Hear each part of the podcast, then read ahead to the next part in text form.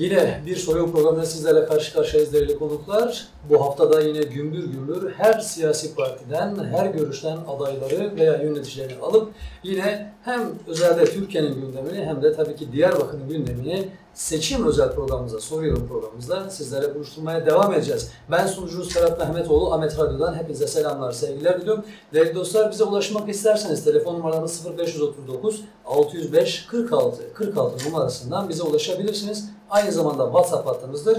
Buradan da bize iletilerinizi yazabilirsiniz. Dilerseniz kendi sesinizle de sesli mesaj kaydedip gönderebilirsiniz. Konuklarımıza iletiyoruz. Aynı zamanda şu an sosyal ortamda Facebook'ta bizi canlı dinleyebiliyorsunuz, izleyebiliyorsunuz. Instagram hesabımızdan da bizi takip edebiliyorsunuz. Ahmet Radyo TV ve tabii ki bize ulaşabilmenin birçok alternatif var. Web sayfamızdan da ahmetradyotv.net sayfasından da bize ulaşabilirsiniz. Ben sunucunuz Ferhat Mehmetoğlu bir kez daha hoş geldiniz diyorum ve konuğum Sayın Saadet Partisi İl Başkanı aynı zamanda Diyarbakır Büyükşehir Belediyesi Başkan Adayı e, Sayın Fesih Bozan hoş geldiniz. Eski başkan. E, eski başkan affedersiniz evet. Evet. Ben size hep başkan olarak bildiğim için o yüzden. Ama bir eski diyelim artık. Evet. Hoş geldiniz yanımıza. Hoş bulduk. Teşekkür ediyorum. Çünkü kanun yasalar gereği Evet. aday olan kişiler istifa etme durumunda kalıyorlar. Evet. O da 31 Kasım 2018'de aday aday olduğumuz için o zaman istifa etmiştik. Tabii 2007'den bu yana il başkanlığını sürdüğümüz için anda e, haklısınız. Evet. Yani sizi başkan olarak tanıtmak Evet. küçük bir sürçülesi almış olur. Fesih Bey biz bu programda diğer bütün siyasi partilerimizde de sorular soruyoruz. Onların projelerini dinliyoruz. Tabii ki eleştiriyoruz avukatına. Ben öncelikle size sormak isterim. Diyarbakır'da bir e, seçim atmosferine girmiş gibi gözüküyoruz. Bazı arabalar geziyor, anons sesleri geliyor. Küçük küçük işte büro açılışları görüyoruz. E, Yakın tarihte Sayın Cumhurbaşkanı'nın buraya geldiğini gördük ama çok fazla henüz o atmosfere giremedik. Hem Saadet Partisi olarak hem de şahsınız olarak siz seçim atmosferini nasıl buluyorsunuz? Öncelikle bizi dinlemekte olan, e, takip etmekte olan Ahmet Radyo'nun değerli dinleyicilerine ve sizlere saygı ve muhabbetlerimi iletiyorum. Böyle bir imkanı sunduğunuz için. Seçim süreci dediğiniz gibi şu anda ciddi bir sıcaklık yok.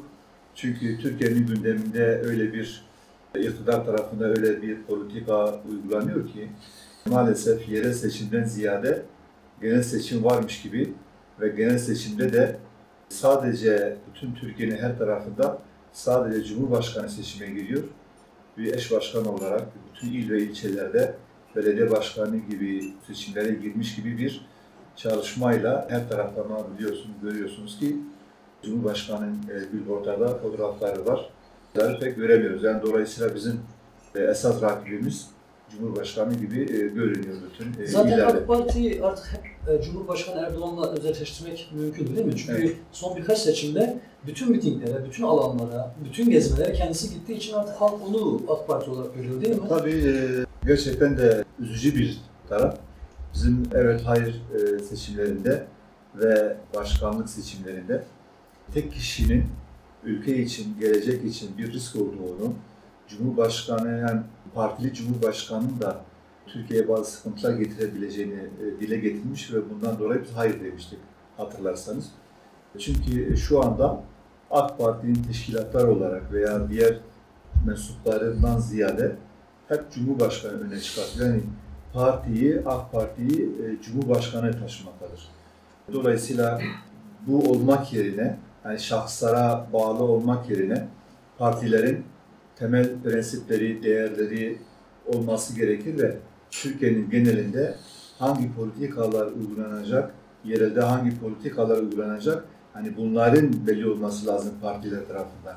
Ama şeyde ise maalesef Türkiye'de öyle bir durum yok. Türkiye'de Cumhurbaşkanı ağzından çıkan kelime neyse o o şekilde kanun olarak görülebiliyor. Verilecek bir talimat hemen bir anda olan bazı uygulamaları ortadan kaldırabiliyor ve bu da çeşitli sıkıntılara e, sebep olduğunu geçmişte görüyoruz. Tabii Saadet Partisi olarak Türkiye'de Türkiye'nin bütün il ve ilçelerinde 81 ve ilçelerin toplam beldelerle beraber 1389 belediye seçimlerinin yapılacağı yerde tek başımıza seçimlere gidiyoruz. Yani bu da bütün partileri göz önüne aldığımız zaman tek başına giren tek parti Saadet Partisi'dir. Diğer partiler ya birçok ilde, ilçede aday çıkartmamışlardır, zimmen başkalarını destekliyordur ya da ittifaklarla birbirini desteklemiş oluyorlar. Türkiye genelinde bir Cumhur İttifakı var, bir Millet İttifakı var, bir de sizin Saadet Partisi. belirttiğiniz gibi Saadet Partisi var. Bir de bölgede HDP'nin e, çatısı altında yardım veya ittifak diyebileceğimiz bir oluşum var. Evet. Bir önceki dönemde de, bir önceki genel seçimde de yine Cumhur İttifakı, Millet İttifakı benzeri şeyler vardı. Siz nasıl değerlendiriyorsunuz bu bir çeşit kutuplaşma mı yoksa ayrıştırma mı nasıl değerlendiriyorsunuz? Şimdi bu şu anki uygulamayla yani biliyorsun aslında bu ittifak meselesi %10 10 baraj sisteminden dolayı getirilen bir kanun. Çünkü burada daha önce evet hayır seçimlerinden önce kanun referandumdan önce %10 barajı var. İşte partiler %10 altına kaldığı için meclise giremiyordu burada. Bir temsilde adaletsizlik var deniliyordu. Bu evet hayırdan sonra başkanlık sistemine geçileceğini ve artık %10 baraja ihtiyaç kalmayacağını çünkü artık hükümetin dışarıdan koruma durumu olduğundan dolayı millete A4'de boş bir imza alındı. Yani boş kağıda imza alındı. Sonra üstünü dolduracağız denildi. Sonrasında çıkartılan uyum yasaları çerçevesinde bu %10 barajı kaldırılması gerekiriydi. Öyle ifade edilmişti. Ama süreç öyle gösterdi ki biz %10 barajı kaldırırsak tabanımız Saadet Partisi'ne kayacak, Saadet Partisi meclise girecek. E, Dolayısıyla bunun kalması gerekir diye AK Parti'nin kendi içindeki söylentiler, konuşmalar e, zaman zaman bize e, yansımıştı. Ve baktık ki bu mesele çerçevesinde %10 barajı kaldı. Şimdi kaldıktan sonra tabii MHP içinde de bir parçalanma, bölünme e, oldu. Bölünme olduktan sonra buna baktılar ki ortakları barajın altında kalma riski oluştu. E, ne yapalım, ne edelim, bunu nasıl bir bunları kurtaralım diye e, şey yaparken bu ittifak yasalarını, e, yasasını ve ucubesini de diyebileceğimiz yasayı çıkarttı. Halbuki normalde her bir partinin ekonomide, dış politikada, eğitimde, sosyal çalışmalarda her alanda kendi anlayışı, kendi prensipleri, kendi politikaları vardır. Yani baraj barajı kaldırıp kim hangi partiye oy veriyorsa gönül rahatlığıyla verebilsin. Yok ben oy versem oy boşa gider mantığından kurtulabilsin. Ama bunlar MHP'yi kurtarmak anlamında bu ittifak esasını çıkarttılar. Yani Türkiye'de de zaten iki tane barajı geçen garanti durumda olan bir CHP ile bir AK Parti vardı. İşte ya ben benden taraf, benim ittifakımda olacaksın ya CHP ittifakında olacaksın diye bir Yani şart ayrı, oluştu. iki ayrı kutup oluşturdular. İki kutup Başka oluştu. şansa vermedi. Ha, şimdi bu durumda da biz ne yaptık? Ee, Biz bu fikrin yanlış olduğunu, Türkiye'de var olan bütün renklerin, bütün ideolojilerin, bütün fikirlerin kendini rahat bir şekilde temsil etme noktasında rahat bırakılması gerektiğini savunduk ve biz AK Parti'nin oluşturmaya çalıştığı o kutuplaşma şeyine girmedik, e, dairesine girmedik. Dolayısıyla biz burada şu an Türkiye'de uygulanan politika yani özellikle başta AK Parti iktidarı ve Cumhurbaşkanı olmak üzere tamamıyla itici, kutuplaştırıcı, benden değilsen hainsin mantığıyla konuşmalar yapıyor. Maalesef bu da Türkiye'nin zeki süreçte daha ciddi sıkıntılara götüreceğe benziyor. Çünkü bir tarafta memleketin bakası deniliyor, ülkenin bakası deniliyor. Öbür tarafta içerideki birlik ve beraberliği dağıtmaya götürüyorlar. Peki yerel seçimlerde bir ülkenin bekası nasıl sarsılabilir? Şimdi bunu biraz daha üstünde durmakta fayda var. Yani bir ülkenin vakası dediğimiz zaman dış mihrakları kastediyor. Yani dış ülkelerin bir ülkeyi bölme parçalama projeleri, sömürme projeleri her zaman olmuştur. Yani bu tarih boyunca bugün değil, sürekli var yani. Bütün ülkeler için bu var olan bir durumdur. Dış mihraklara karşı bizim güçlü durabilmemiz için ekonomik anlamda güçlenmek lazım. Ve Türkiye'deki bütün e, yaşayan insanların kardeşlik duygusu içinde birlik beraberliğinin o kenetleşmeyi sağlaması lazım ki gerçek anlamda baka olayından kendimizi güvenceye al- altına alabiliriz. Ne yaparsan yap, şu anki emperyalist güçler, küresel güçler zaten ülkeyi bölmek için, parçalamak için sürekli bizim üzerimizde çalışmalar yapacaklardır. Sen desen de demesen de dış mirakların planları o. Bu yüzyıllarca var ve olacak, önümüzdeki süreçte de olacak. Ama AK Parti'nin, iktidarın şu anda kullandığı bu değil, AK Parti sadece ekonomide başarısız, işsizlikte başarısız, eğitimde başarısız, yani her alanda başarısız olduğundan dolayı bu başarısızlığın üstünü örtmek için kullandığı dil işte e, korku ve tehdit üzerinde işi Bu götürmektedir. konuyla ilgili Sayın Süleyman Soylu'nun son sözlerini dikkate aldım. Süleyman Soylu diyor ki Eğer biz iktidara devam ettiremezsek, yani iktidardan kastı genel seçimler değil, yerel seçimden bahsediyor. Sokağa çıkacak yüzümüz yok, bizi Evet. sokağa çıkarmazlar diyor. Neden acaba böyle cümleler sarf ediyor? Tabii burada şu şeyi bitireyim şimdi bu vaka olayını. Vaka olayı dediğim gibi ürünün iktidar ve ortağı kendi başarısızlıklarını kamufle etmek için kullandığı bir tabir. Ama şu var, yani şu sözde de o çıkıyor zaten İçişleri Bakanlığı konuşmasında. Es- esasında kendi korkuları kendi vakalarındandır. Yani her iki partinin kaybedecekleri sarayları, e, koltukları, çıkar ve menfaatleridir. İki partinin menfaati. Yani bunu açıkça rahatlıkla herkes rahatlıkla görebiliyor. Ya şimdi bir belediyenin bir diyelim ki Kocaköy'ün belediyeyi kaybetmesini AK Parti kaybettiği zaman niye Türkiye'nin bakası geleceği tehlikeye girsin? Bir Çınar'ı kaybettiği zaman niye ülkenin geleceği sistem değişmiyor, başkanlık sistemi değişmiyor. Yani bir belediyenin Parlamentoda değişmiyor. parlamento değişmiyor. Yani bir belediyenin temizlik işlerini ve hizmete yönelik olan çalışmalarını yapabileceği bir alan iken kalkıp da bunu vaka sorunu yapabilmeleri, yapmaları tamamıyla gündemi değiştirmek ve kendi başarısızlıklarını kamufle etmektir. Başka hiçbir durumu yoktur. Şimdi İçişleri Bakanlığı'nın o söylemi ve benzer birçok adayların ve ilçe il başkanlarının söyledikleri işte bizi kazığa oturturlar, bizi, bizi sokağa çıkamayız gibi şeyleri ya kendilerinden çok korkuyorlar, yapmış oldukları yolsuzluklar, yapmış oldukları partizancılık, yapmış oldukları haksızlıklardan dolayı çok endişeleri, korkuları vardır. Ama bizden korkmasınlar. Biz Saadet Partisi olarak nerede iktidara gelirse hukuk çerçevesinde olan dışında herhangi bir partizanca hareket, herhangi herhangi bir kim üzerinde e, kimseye hesaba çekecek değiliz.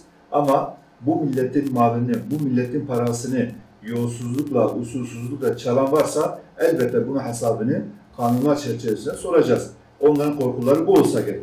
İttifak konusunda şunu da sormak isterim. Cumhurbaşkanı e, Sayın Erdoğan ve AK Parti'nin tamamı e, MHP ve kendisiyle beraber bir Cumhur İttifakı adı altında e, bir başka kutup gözüküyor. Millet İttifakı'nda da dördünü yerleştirmiş, dört parti yerleştirmiş gözüküyor. Saadet Partisi, HDP, İYİ Parti ve CHP'yi aynı kefeye alıp çok fa- farklı partiler olsalar bile. İlginç olan tarafı İyi Parti'nin lideri Sayın Meral Akşener Iğdır meselesinde HDP'ye karşı çekileceğini aday göstermeyeceğini hatta AK Parti ve MHP için bir aday göstermesi gerektiği kadar da destekçi olduğunu gösteriyor. Ama son süreçte gördüğümüze göre medyadan yansıyan mitinglere göre hem e, Cumhurbaşkanı Erdoğan tarafından hem de AK Parti tarafından Sayın Meral Akşener'de çok ciddi ithamlar söz konusu. Yani bir yandan birbirine sağ kroşe, sol kroşe vururken öte yandan sarılıp öpmeler veya birbirini kollamalar siz nasıl değerlendiriyorsunuz?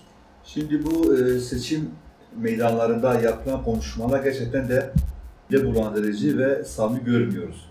Yani bir cumhurbaşkanı meydanlarda herhangi bir partiyi terörle terörle bağlantılı olarak suçlamak yerine varsa ellerinde belgeleri, kanunlar ellerinde, savcılar, mahkemeler açıktır ve o parti hakkında, o şahıslar hakkında gerekli işlemleri yapmaları lazım. Şimdi gerekli işlemleri yapmadıkları gibi yani bugün bu partilere Zillet Partisi, Çukur Partisi olmadık nezaketsiz laflar, benzetmeler yapmaktadırlar. Bu zaten şu anda siyaset dilinin ne kadar kirlendiğini ve siyaset dilinin uslup ve diplomatik dil e, kaybetme noktasının nereye geldiğini görüyoruz. Evet. Maalesef bu da çok acı verici bir durum. Bu olmaması gerekir. Çünkü e, siyasetçiler ülkenin e, tümünü e, tümüne hitap ettiği ve bütün halkı kucaklama durumda olduğundan dolayı onların yüzlerine, birbirinin yüzüne bakacak olan güzel olması lazım. Ama bu kullandıkları dil maalesef onu da kapatmış oluyor. Eğer gerçek anlamda samimi ise Cumhurbaşkanı, AK Parti yetkilileri, HDP veya diğer partiler kim terörle ilişkili ise yasalar ellerinde, mahkemeler ellerinde başvursunlar. Bunu kanuni yollarla partiyi kapatsınlar. O adayları içeri alsınlar. Bunu yapmadıkları gibi HDP bu seçimde 92 milyon seçim yardımı aldı. Evet. İyi Parti 72 milyon civarında seçim yardımı aldı. Her bir milletvekili ortalama 20 milyon 25 milyon maaş alıyor. Peki terörist dediğin kişilere sen niye maddi yardım yapıyorsun? Bir vatandaş terörist denilen birisine bir yardım yaptığı zaman para yardımından dolayı ne yapıyor? Mahkemelerde sürünüyor. Ama devlet e, devleti yönetenler iktidar ise terörist diye ilan ettikleri bir parti ve mensuplarına hem parasal anlamda yardım yapıyor. Ne diyorlar? Diyorlar ki işte belediyeler bu parayı Kandil'e gönderiyorlardı. Peki 92 trilyon parayı yardımını yaptınız. Bunları Kandil'e göndermeyeceğine malum. O zaman niye yaptınız? Geçmişte birileri partiler birilerinin tahakkümü altında olmasın diye e, yasal çerçeveler içinde siyasi partilere hazineden yardım yapılmış, yapılsın diye bir kanun teklifi verilmiş ve yapılmış. Anayasalaşmış. E, siz de madem ki bakıyorsunuz ki CHP alıyor, HDP alıyor, İyi Parti alıyor ve bunlar da bunları terörle suçluyorsunuz. Teröre yandaş olmakla suçluyorsunuz. Siz de bir kanun çıkartın. Söyleyin ki bundan sonra hazineden herhangi bir partiye seçim yardımı yapılmayacak bir kanun çıkartın siz de. Bunu bundan sonra uygulayın. Ama kendi çıkar ve aldıkları hazine yardımının bundan e, elleri olmadığından dolayı, o paradan vazgeçemedikleri dolayı böyle bir kanun teklifi yapmıyorlar. Şimdi bugün seçimlere giren bütün partilerin adayları, hangi partinin yani seçime girecek partiler olarak bütün adayları Adalet Bakanlığı'ndan, savcılıktan suçu yok, e, savcılık kaydı almışlar. SK buna hepsinin seçime girme yetkisi vermiş. Ki bazılarına bu konuda veto verildi. Yani. Ha, bazılarına da işte diyelim ki e, arşiv kayıtlarında herhangi bir ceza mezaları olduğundan dolayı bunları reddettikleri oldu. E peki şimdi bütün red olayları bittikten sonra adaylıklar iptalden sonra şu anda mevcut olan kalan kişiler demek ki herhangi bir örgüt de bir suçları görmemiş. E peki suçu görülmeyen bir insanı kalkıp da suçlamanın mantığı ne? Ha burada psikolojide şöyle bir mantık var. Hani bir tarafı suçlayarak o ortadaki insanları kendine çekme metodu var mesela. Burada işte bunlar böyle teröristtir, bunlar şeye karşı diyelim ki camiye karşı camiye ayakkabıyla bastılar. İşte şu anda gündemde olan işte ezana karşı Ezana ıslah- karşı ıslık sesleri. ıslık sesleri. Bu konuyla ilgili Buna benzer tabii bugün paylaşımlar da var. Ee, Erdoğan'ın kendisinin bizzat mitingde Evet. ezan okurken konuşmaya devam ettiğini ettiği. Şimdi bu milleti korku ve tehdit üzerinden seçimi kendine yönlen- yönlendirme, kazanma gayreti adımlarıdır. Yoksa samimi değiller bunlar. Bu anlamda eğer bir Saadet Partisi olarak herhangi bir ittifakta değiliz. Bunu defalarca Genel Başkanı'nın söylediği halde biz defalarca söylediğimiz ve bütün Türkiye'de tek başımıza seçime girdiğimiz halde bunu ısrarla söylüyorlar. Yine psikolojide halkı yönlendirme, bir algı oluşturma noktasında şu da var. Diyorlar ki bir yalanı siz ne kadar güçlü bir tekrar sesle tekrar tekrar tekrar ederseniz halkı ona inandırmaya başarırsınız. Yani bu mantık bunlarda da var. Yani şu anda iktidarın yapa- yaptığı şeyler yapmış oldukları hizmetler ve yapacakları üzerinden değil de daha çok milleti korku ve tehdit üzerinde kendine çekme mantığını götürüyorlar. Bu da yine alacakları birkaç fazla oy için milleti kutuplaştırma ve daha tehlikeli bir noktaya götürme noktasında ciddi bir tehlike olarak görüyoruz. Peki yani çekme politikası yani başka partilerdeki tabanı mesela sizin partinizi CHP'den İYİ Parti'den oy almaya çalışırken kendi tabanından oy kaptırma riski de yok mudur? Yani etki tepki olayı yok mudur? Tabii o da var. Şimdi burada e, özellikle bu dört partiyi beraber saymaların temelinde tabii bugün bir siyasi parti kim olursa olsun kendileri dahil seçime girdikleri zaman vatandaşlar herkesten oy istiyorlar. Bu daha önce bir önceki seçimlerde HDP'ye, İyi Parti'ye, CHP'ye, AK Parti'ye, Saadet Partisi'ne verilmiş olabilir. Bir diğer seçimde başka bir partiye tercihlerini kullanabilir. Evet. Yani burada kalkıp da herhangi bir parti bütün halkı kucaklayacak olan söylemlerle ortaya çıktığı zaman vay efendim sen şununla bunu nasıl demenin bir mantığı yok. Biz Saadet Partisi olarak AK Parti tabanı dahil şu anda 81 milyon insan veya 50 milyon küsür, 58 milyon civarında seçmenimiz var. Bir önceki tercihleri ne olursa olsun saygımız var. Ama bu seçimde biz diyoruz ki oylarınızı bize verin. Biz kendimiz milli görüş belediyeciliği konusunda daha önceki tecrübelerimizi biliyorsunuz. Ee, örnekliklerimiz de var. Bu seçimde bize oyunuzu verin, deneyin diyoruz. Bu daha önce HDP'ye oy veren kesimlerle biz oy istiyoruz. Evet. AK Parti'ye, CHP'ye veren kesimlerde de bu istiyor. Yani kalkıp da bunu bir illaki ittifak meselesi yapmak bir anlamı yok. O zaman Cumhurbaşkanı Diyarbakır'da gelip oy isteme hakkı yok. Bir başka e, partinin ağırlıklı olduğu bir yerde İzmir'e gidip oy isteme hakkı yok. Çünkü neticede oradaki seçmen ağırlıklı olarak daha önceki başka partiye vermişse, o sana oy vermese nasıl çoğunluğu elde edeceksin? Bu mantık doğru bir mantık değil. Biz diyoruz ki çağrıda bulunuyoruz.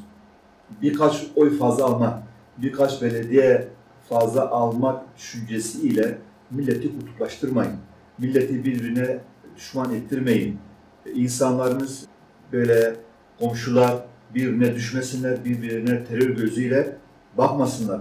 Şimdi Cumhurbaşkanı kendilerine oy vermeyen kesimi teröristlerle beraber, bölme parçalamayla beraber anlattığı zaman e, haliyle bu sefer oraya oy veren, AK Parti'ye oy veren vatandaş da kendilerine oy vermediğini bilen vatandaşlara karşı bir kini oluşacak. Diğer vatandaşın kalbinde böyle bir kin oluşacak. Bu da ciddi bir tehlikedir. Bunu yapmamalarını istiyoruz. Peki tam da bu konuda yani mesela CHP'yi son zamanlarda çok fazla böyle e, Kandil boyunduruna girdiği diye iddialarda bulunuyor AK Parti tarafından, bizzat Sayın Cumhurbaşkanı tarafından. Aynı eleştiriler sizin partiniz için de yapılıyor. Yani dört partinin bir- birleştiği ve Kandil için hizmet ettiğini kendilerine karşı, işte ezana karşı ve e, BK'ya karşı bir sizin tehlike olduğunuzu dile getiriyor. Siz Saadet Partisi olarak bunu nasıl değerlendiriyorsunuz? Yani gerçekten de AK Parti için mi tehlikesiniz yoksa BK, Türkiye'nin BK'sı için mi tehlikesi ve gerçekten de bunu sormak zorunda gerçekten de siz Kandil'den emir alıyor musunuz? Evet.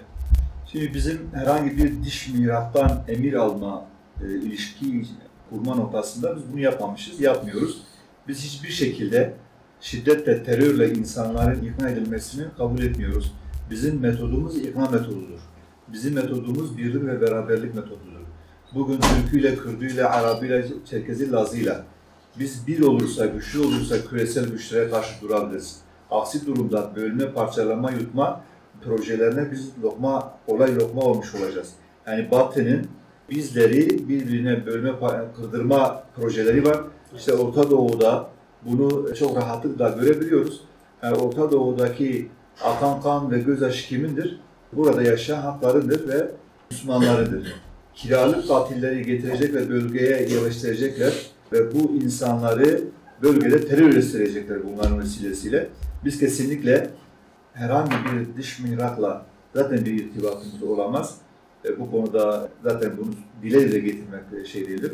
Ama bu iftira ve yalanları kendilerine iade ediyoruz. Bizim herhangi bir öyle bir irtibatımız yok. Bizim yaptığımız sadece bütün e, partilerle e, sağlıklı diyaloglar kurmak, iletişimler kurmak. Çünkü Türkiye'yi yönetmeye talip olan bütün partilerin görüşüyor olabilmeleri lazım. Çünkü 82 milyon, 81 milyon insan temsil eden farklı partiler var. Bu farklı partiler görüşecekler ki birbirini anlayabilecekler ki herkes kendi tabanına sağlıklı mesajları verebilsin. Ama eğer tavanda iletişim sağlanmadığı zaman, birbirinizi dinleyip birbirinizi anlamadığınız zaman o zaman çözüm çözümü kim üretecek? Siyasiler üretiyorlar. E, siyasiler kavgalı olursa o zaman Türkiye'nin problemini nasıl çözeceğiz? Halbuki bugün kim iktidara gelirse gelsin yapması gereken neydi? Diyoruz ki bugün e, iktidarda AK Parti var. Bunlar Türkiye'deki bütün parti başkanlarını çağıracaklardı. Muhtarları çağırdığı gibi veya STK'ları, başkalarını çağırıp da kendi istek ve arzularını onlara kabul ettirmeye çabaladığı gibi e, çağırın parti başkanlarını gelin söyleyin ki ey arkadaşlar, ey başkanlarımız Türkiye'deki ekonomik sıkıntıyı nasıl aşarız? Türkiye'nin dış politikasındaki sıkıntıyı nasıl aşarız? Terörle ilgili, eğitimle ilgili, sağlıkla ilgili sizin projeleriniz, öneriniz nelerdir? Bunu onlardan fikirlerini alın, dosyaları alın, plan projelerini alın, kendi mutfağınıza pişirin ve buna halkın önüne çıkartacak olan yeni projelerle, yeni adımlarla daha sağlıklı, daha kabul görür, daha kalıcı olan projeler geliştirmiş olurlardı. Ve barış içinde bu ürünümüzü gerçekleştirmiş olacaklar. Ama yok benim kimsenin aklına ihtiyacım yok dediğimiz zaman o zaman da işte yapboz tahtasına dönüyor. Bir mesela örneğin bir milli eğitimde şimdiye kadar 7 tane bakan değiştirmişler. Yani e, ekonomide vatandaş top atıyor. Yani şimdi kalkıp da bir doların inmesi, yükselmesi esnafa ve diğer vatandaşlara ne kadar bir maliyet oluyor? Bu maliyetin hesabını kim veriyor? Yani şimdi geçen işte Damat Bey demiş biz elimizi masaya vurduk. Dolar 5 liraydı. Ey Sayın Bakan elinizi masaya vurmakla bu dolar 5'e iniyorsa birkaç tane yumruk daha vurun da dolar yerlerde sürünsün. Niye vurmuyorsunuz 5'te tutuyorsunuz? Niye ABD başkanı bir tweet atıyor da dolar yine yükseliyor. Niye durduramıyorsunuz? Ha demek bunlar doğru sözler değildir. Sadece milleti kandırma, aldatma politikalarıdır. Eğer bir ülke üretim noktasında güçlü olmadığı sürece, ekonomik anlamda güçlü olmadığı sürece sen dışa bağımlısın, dışa borçlusun ve dışarıdaki her türlü sıkıntı senin içeride sarsılmana sebep olacaktır. Dolayısıyla kalkıp da bunlar meydanlarda dolar düşüreceğin meydan okumakla bunlar bir yere varamazlar, doğru değildir. Ama birilerinin elini masaya vurmasını gördük. Bugün papaz ne dedi? Papazı apar topar toprağa verirler. Kim elini masaya vurdu? Papazın gidişine bellidir. O zaman dürüst olmak lazımdır. Senin elini masaya vurma gücün yok. Çünkü sen dışa bağımlısın. Sen dışa borçlusun, üretmiyorsun, tüketiyorsun, ithalatçı bir mantığın var.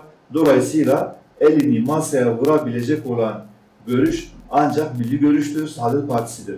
Çünkü biz geldiğimiz zaman üretime yönelik adımlara, sanayi, sanayileşme, ağır sanayi hamlesi, bugünkü teknolojiyle nanoteknolojisine kadar biz her alanda kendi ayaklarımızın üstüne durabilecek olan e, sanayideki üretimleri yapacağız. Tarımımızı geliştireceğiz, hayvancılığımızı geliştireceğiz ki o zaman güçlü bir ekonomiye sahip olduğun zaman elini masaya vurabileceksin. Kardeşim ben bunu kabul etmiyorum diyebilirsin. Az önce bir sorunuz kaynadı arada hatırıma gelmişken ezanla ilgili. Malumunuz olduğu üzere 8 Mart Kadınlar Günü'dür. Dolayısıyla her yerde basın açıklamaları falan yapılabilmektedir. Yapılıyor da. Bugün de paylaşılan haberlerde de baktığımız zaman e, sırasında ıslık çalınması olayı doğru bir haber değildi, e, yalandı.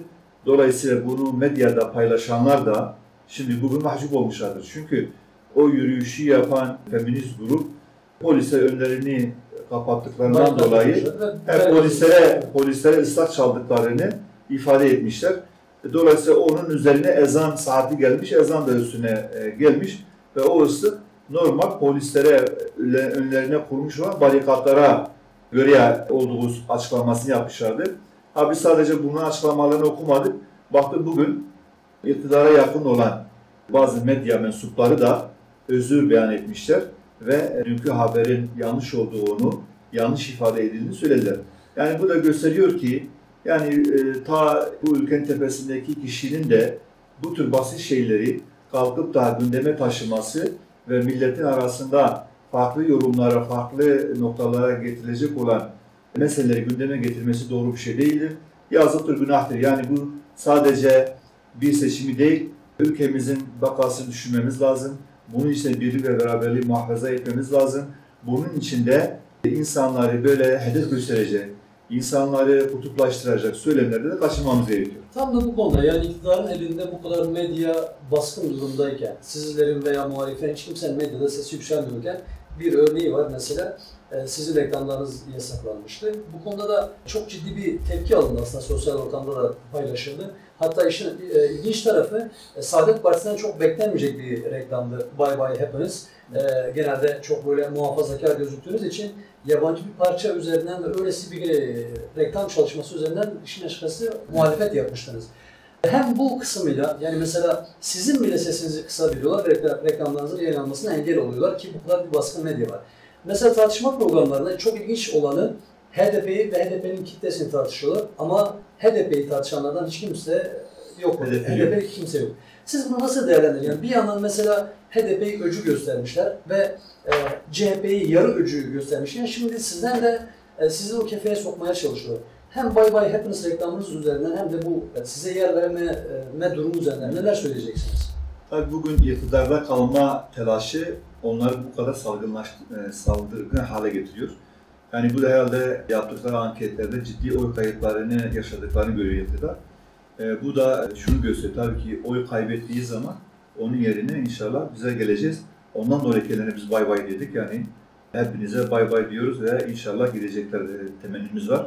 Tabii iktidar gerçekten de çok adaletsiz bir seçimi götürüyor. Şu anda belki başta söyleyecektim ama e, sorular e, şey yaptı. Öncelikle yani biz bu seçimin çok adil olmadığını, adil şartlarda e, yürütülmediğini yaşıyoruz, görüyoruz.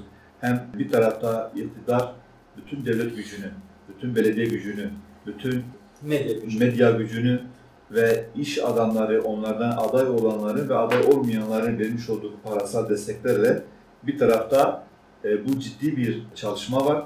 Öbür tarafta bizim gibi mecliste olmayıp hazine yardımı bile almayan ve bize yardım bile yapmaktan çekinen insanlar, insanların olduğu bir dönemde sadece parti mensuplarının, sevenlerinin vermiş olduğu aidatlarla kaç seçildir bunu götürüyoruz. Bu mücadelemizi yapıyoruz ve yapmaya devam ediyoruz.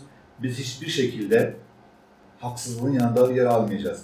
Karşımızdaki güç ne kadar kuvvetli, güçlü olursa olsun hak, hukuk, kardeşlik, sevgi, barış, birlik ve beraberlikten yana olacağız ve şu anda sürdürülmeye çalışılan kutuplaştırıcı ve Türkiye'yi ikiye bölecek olan bu anlayışı yani ya bendensin ya karşımdansın veya sağcı solcu mantığını içine biz bilmiyoruz. Saadet Partisi olarak ne kadar sesimizi kesmeye çalışırsa çalışsın biz bütün yerel teşkilatlar olarak işte sizin gibi değerli yerel medya mensupları üzerinde halkımıza sesimizi ulaştırma gayreti içinde olacağız. Tabii bunlar hiç kimse dünya kalmamış. Ne kadar güçlü olursanız olsun işte geçmişteki Doğru Yol Partisi örneği var, ANAP örneği var. Çok güçlü imkanlar sahip oldukları halde seçimlere girdikleri halde bir anda halkımız bunlara yeter demiştir. Bu medyadaki yalan dolan haberlere artık bıktık usandık demiştir ve ANAP'ı da Doğru Yol Partisi de sandığa gömmüşlerdir. Yani e, yakın zamanda AK Parti'nin de akıbeti bu olacaktır. Çünkü artık nereye arazide geziyoruz, vatandaşı dinliyoruz. Esnaf perişan, memuru perişan, işçisi perişan, çiftçisi perişan. Yani herkeste bir ciddi sıkıntı var. Ama milletin gündeminde e, açlıktır, işsizliktir. Gündemi bu iken iktidarın ağzında düşürmediği e, ülkenin vakasıdır. Ondan sonra CHP'dir. Ya CHP 50 yıl daha kalsa iktidara gelecek durumu yok. Çünkü aldığı oy ortalaması belli %25 civarındadır. HDP %10 civarındadır. Türkiye genelinde iktidara gelme durumu yok. E peki bu kadar sanki 17 yıldır CHP iktidardaymış, farklı bir parti iktidardaymış gibi kalkıp da bunları suçlamanın temelinde ne var? Başka bir şey yok yani savunacaklar bir şey yok. Yani biz işte eğitimde şu kadar başarılara imza attık. İşte diyelim ki Türkiye'de, dünyada 2018'de yayınlanan işte 500 tane başarılı üniversite arasında Türkiye'nin iki tane üniversitesi var mesela. Şimdi başarısını meydanlarda okuyacak bir durum yok. Ekonomiyi mesela geçen seçimde önceki seçimlerde biliyorsunuz ki 6-0 atılmıştı. Evet. İşte ey vatandaşlar işte daha önce siz 1 milyona tuvalete gidiyordunuz. Şimdi 1 TL'ye biz 6-0 attık. 1 TL'ye gidiyorsun. Nereden nereye geldik gibi Ama kıymet Halkın- pazar piyasasında Evet. aynı değer. Bir, halkın aklıyla alayan şimdi 6-0 atmakla para değer mi kazandı? Sadece kabalığıyla gitti. Hesaplanması kolaylaştı. Yani yoksa herhangi bir değer anlamında bir değeri olmadı. E şimdi domates, salatalık, biber şu bu bunlar almış başını gidiyor vatandaş 1 lira daha ucuz almak için saatlerce sırada bekliyorlar. Yani bunu anlatacak durumları yok. Ekonomiyi anlatabilecek durumları yok. Tarım e, ülkesi olan bir ülkede kalkıp da soğanı, patatesi, samanı, hayvanı, eti dışarıdan ithal edebilecek bir duruma getirmişsiniz ülkeyi, perişan etmişsiniz. E, bunu savunacak bir durumunuz yok. İşi, gücü işte diğer partiyi suçlamakla geçiyor. Ki geçmiş dönemde Tanzim DSP döneminde de yapılmıştı. O dönem onları suçlamışlar. Komünist ve bunlar yanlış işler yapıyorlar diye. Bir de pazarcı piyasasından duyduklarımıza göre, yani haberler bültenlerine çıkan e, raporlara göre yani şu anda aslında hükümet zararla o ürünleri satıyor. Yani Tabii. bunun sürdürülebilir olması mümkün değil gözüküyor. Galiba amaç seçim, Seçim sürecinde vatandaşa biraz daha şirin gözükmesi. Genel Başkanı Sayın Temel Karahan Bu konuda geçmeden mesela benim de aldığım bir haber, yani arkadaşlar bana söylediği e, patatesi halda 3,5 liraya alıyorlar, e, 2 liraya satıyorlar. Evet. Yani bu 1,5 liraya kim ödüyor? Belediyeler ödüyor. Yani bunu 31 Mart seçimlerine kadar bir ciddi maliyet de olsa milletin milletin rızasını kazanmak anlamında, gözünü kapamak anlamında, kamufle etmek anlamında bu satışlar buna yöneliktir. Yani yoksa şimdi Cumhurbaşkanı çıkıyor, işte onlarınki yokluk kuyruğuydu, bizimki varlık ya kuyruk kuyruktur. Yani şimdi sen bir şeyi alamadıktan sonra ha yoktur alamadın, ha pahalıdan dolayı alamadın. Ne fark eder yani şimdi? Adam evine e, soğan alamıyorsa, patates alamıyorsa, ha parası cebindedir alamamış, yiyemiyor. Ha parası yetersizdir.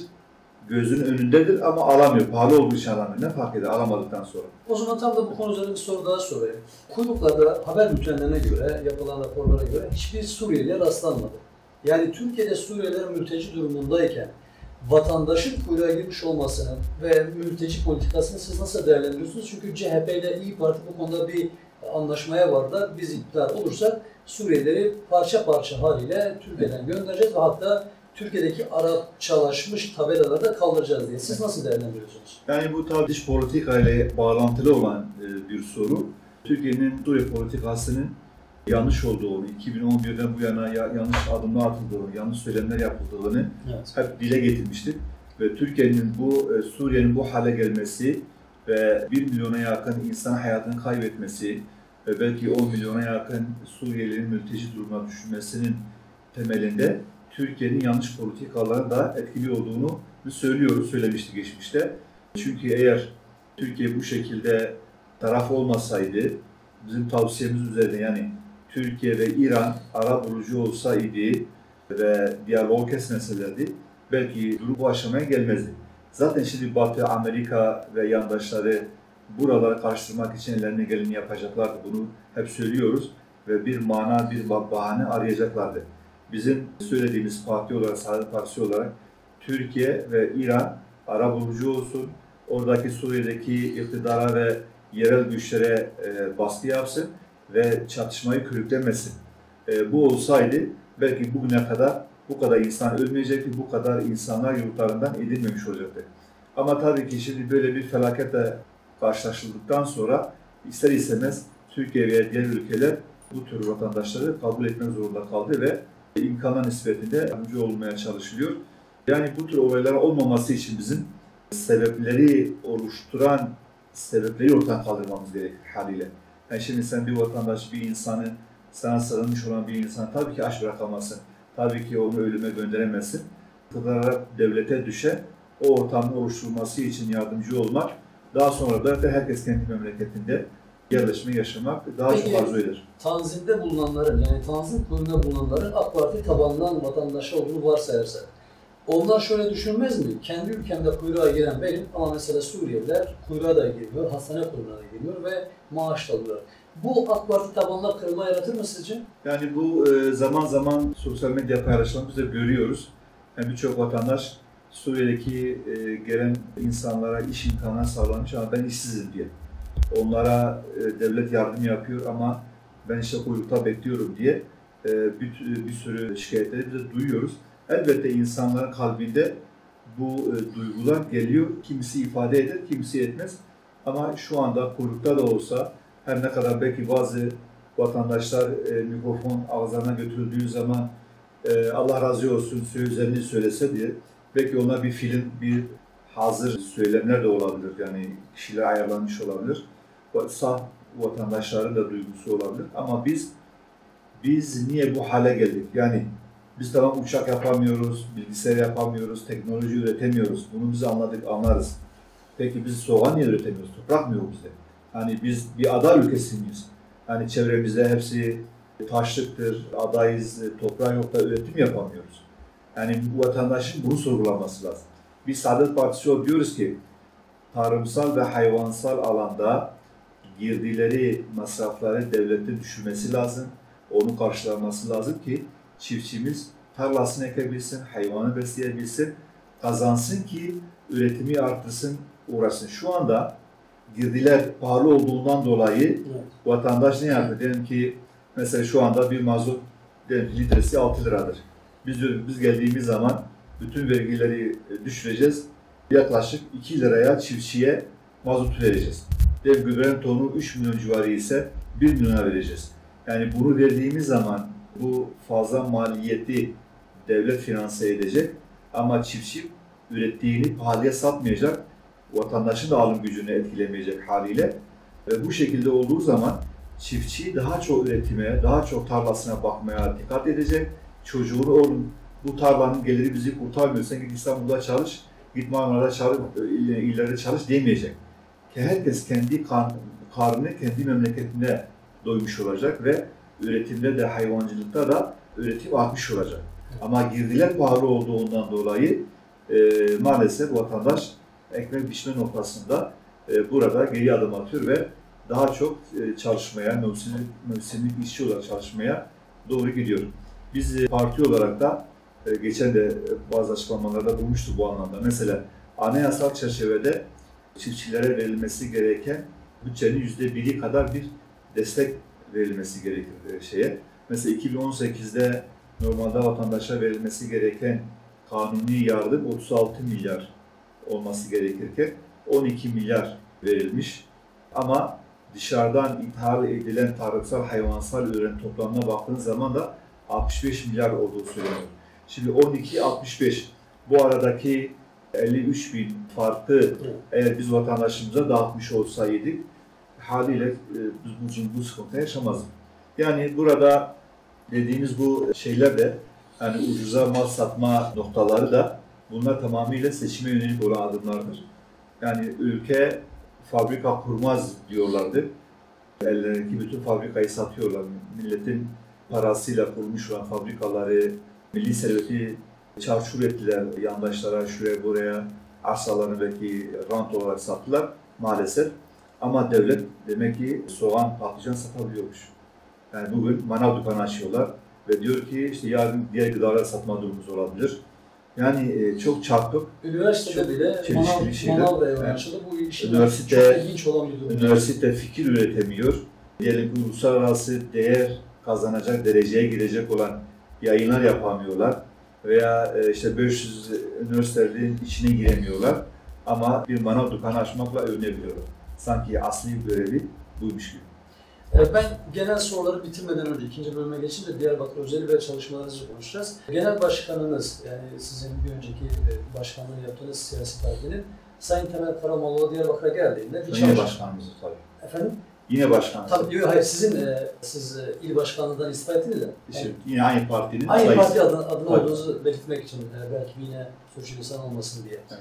Burada bir çalıştay yapıldı. Çalıştaya o zaman ben de katılmıştım. Gittim gazetecilerle, STK'larla toplantı yapıldı.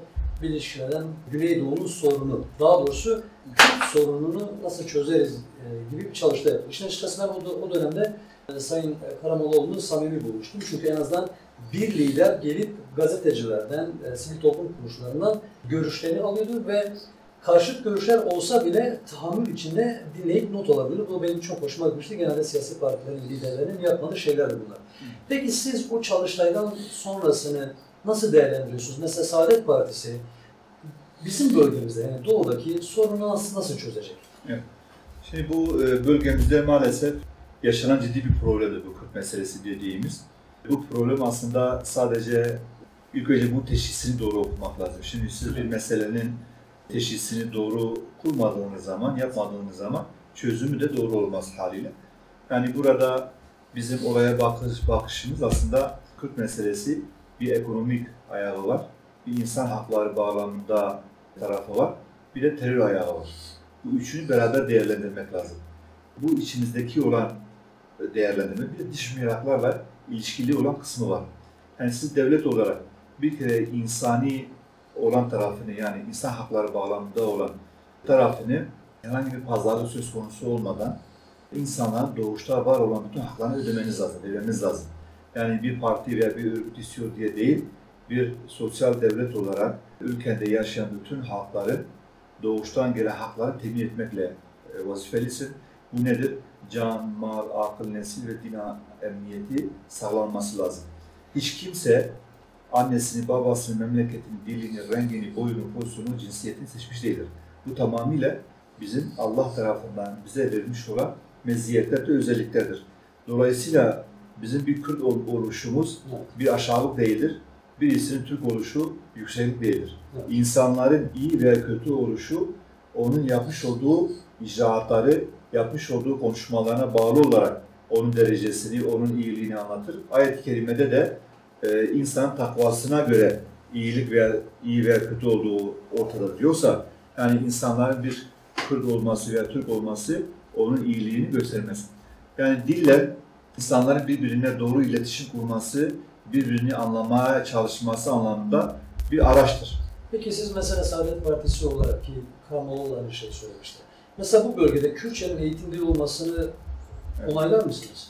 herkesin ana dilinde eğitim ve Kürt halkının kendi diliyle eğitim yapılması taraftarıyız. E nasıl ki bugün İngilizce, Fransızca bizim Çanakkale savaşlarında savaştığımız ülkelerin dilleri bizim bugün milli eğitimde dil olarak okutuluyorsa, yabancı dil olarak okutuluyorsa yani omuz omuza verdiğimizde beraber aynı havayı, aynı suyu paylaştığımız halklar niye kendi dillerini, kültürlerini rahatlıkla yaşamasınlar? Yani bizim parti olarak da Cumhurbaşkanı birçok sefer açıklamıştı. Herkesin kendi ana dilinde yani Kürt halkının kendi ana dilinde eğitimini yapabilmesine hakkını verilmesi gerekiyor diye bunu söylüyoruz, savunuyoruz. Meselenin akışını istersen ben bitireyim bu e, Buyurun. Kürt meselesiyle ilgili. Şimdi bir kere bu sosyal taraftan yani insan hakları bağlamındaki devletin bütün hakları vermesi gerekir. Bunu herhangi bir minnet yapmadan, herhangi bir lütuf değil, normal olması gereken bir haktır bunlar. İkincisi ekonomik ayağı var. Yani bugün ülkemiz belki bilerek veya bilmeyerek buralardaki yatırımlar azaltılmış, devlet yatırımları azaltılmış Ee, ve burada vatandaşlarımız işsiz bırakılmış, aç bırakılmış. Dolayısıyla biz geçmişte Erbakan Hoca zamanında işte bölgemizde bu ekonominin canlanması anlamında buradaki yaşayan insanların karınları kendi bölgelerinde doğsun, açlığı giderilsin diye geçimlerini burada yapsın diye işte Temsan, İpli Fabrikası, Tütün Fabrikası, Et Balık Kurumusu, Merhale, Ergani Çimento gibi sadece Diyarbakır'da 6-7 tane fabrika kuruldu. Mardin'de, Siirt'te ve diğer bölgemizin illerinde hepsinde o ilde gelişen ne varsa onlarla ilgili fabrikalar kurdu. Zaten olması gereken de budur. Bugün e, Diyarbakır'da diyelim ki pamuk yetişiyorsa yani burada niye ipli fabrikası ve tekstil fabrikaları kurulmasın? Bu tütün, bu pamuklar e, toplanıyor. İşte Antep'e, Denizli'ye, Bursa'ya gidiyor. Orada işlendikten sonra iplik haline ve kumaş haline geliyor. Ve biz gidip oradan alıp yine hem maliyeti yükseltmiş oluyoruz ve bu arada bir, bir sıkıntı yaşamış oluyor. Bu fabrika kurulması lazım ekonomik ayağı olarak. Diğer tarafta terör ayağı var. Terör ayağı da yani dış mihraklar bizim içimizdeki işte bu kutuplaştırıcı söylemler, işte bu sen ben kavgası olduğu zaman haliyle daha da bu ateşi körüklemek anlamında bazı örgütleri kullanabilirler. Biz hiçbir şekilde şiddet ve silah kullanma noktasında kim olursa olsun hakkın savunmasının yanlış olduğunu söylüyoruz. Biz insanlar her türlü istek ve taleplerini ikna metoduyla şiddetsiz bir şekilde konuşabilmeli, anlatabilmelidir. Bunun da diş mirakları bu terör noktasında devlet tabii ki halkını, vatandaşını koruması lazım.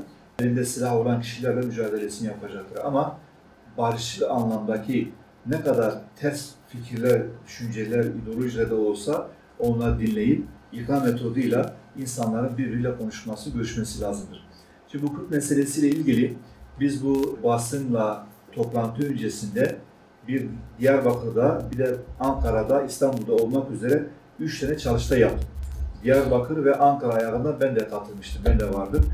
Burada yine çeşitli kesimlerden insanlar çağrıldı, kişiler çağrıldı ve bu anlamda onların öneri tavsiyeleri dinlenildi.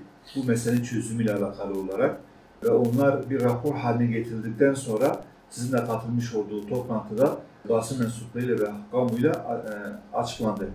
Yani biz burada daha sonrasında da Genel Başkanım Temel Bey'in basına yansıyan güzel bir açıklaması ne oldu? Diyarbakır'da barış ve kardeşlik konferansının yapılmasını Evet. önermişti. Yani bu da Türkiye, Türkiye, Irak, İran, Suriye devlet olarak zarar yönetimler orası anlamda e, olarak bir de e, bu ülkelerde arkasında adam olan aşiret sahipleri, kanaat önderleri, sözü dinlenen, fikri üretebilecek olan, şiddete bulaşmamış olan bütün kesimlerin katılabileceği bir geniş kapsamlı bir konferansın yapılmasını önermişti. Bu olduğu takdirde biz kendi problemimizi, kendi sorunlarımızı kendimiz konuşup kendimiz çözüm üretmek durumundayız. Bu bölgede akan kan ve gözyaşı burada yaşayan halkındır. Ağırlıklı olarak Kürt halkını olmakla beraber Türkiye'deki Suriye, Irak, İran ve bu bölgede yaşayan insanlarımızı kanı akıyor. Kim sebep oluyor buna? İşte Amerika ve Avrupa ülkeleri kendi silahlarını bu bölgedeki hem devlet hem diğer kesime silahlarını satıyor ve insanlar birbirine kırdırıp öldürüyorlar. Madem ki bunlar bize bizi bu ortama sürüklüyor, Öyleyse biz kendimiz bir araya gelip kendimiz konuşmalı, kendimiz birbirini anlamaya çalışmalıyız ki Amerika ve ona bağlı olan işte Siyonizmin, İsrail'in planlarını bozup kendi aramızdaki bu kardeşliği, bu birlik ve beraberliği sağlamamız gerekiyor. Bakıyorsunuz Amerika 52 ülkenin birleşmesiyle, bir eyalet sistemiyle bir ülke olmuş. Onlarda bir problem yok. Diyelim ki bugün Avrupa Birliği, 5 ülkeyle başlayan e, Avrupa Birliği şu anda 28 ülkeye çıkmış. O birlik beraberliği sağlamışlar. E, onlarda sıkıntı yok. Ama bizi ise gittikçe bizim sınırlarımızda, bizim Orta Doğu'da sürekli bölme parçalanma, kan ve gözyaşı var. Yani burada yaşayan bütün vatandaşların, halkların bunu bölmeleri lazım, anlamaları lazım. Kürt meselesi çözülmesi gereken bir meseledir. Kardeşlik ama içi boş olan bir kardeşlik anlayışı değil. Gerçek anlamda Türk halkının sahip olduğu haklar neyse Kürt halkının da aynı sahip, aynı duygu, aynı haklar sahip olduğu bir kardeşlikten biz bahsediyoruz. Dolayısıyla bundan bağımlı olarak da Bunu şöyle yapalım. Kürt halkının kısa bir ana dilde gerekecek. İkinci bölümde bu Evet. konuya biraz ana daha diliyle e, eğitimini alması doğal hakkıdır. Tamam çok teşekkür ediyorum. Değerli izleyicilerimiz ve dinleyicilerimiz soruyorum programının ikinci bölümüne devam edecek. Çok kısa bir aradan sonra 4 dakika bilemedim 5 dakika sonra yine sizlerle olacağız. Ahmet Radyo'da ben sunucunuz Ferhat Mehmetoğlu ile birlikteliğiniz devam ediyor. İkinci bölümde Diyarbakır Büyükşehir Belediyesi Başkan adayı olarak daha çok projelerini konuşacağız. Son cümlelerimiz tabii biraz da ekleme yaparım. Görüşmek üzere.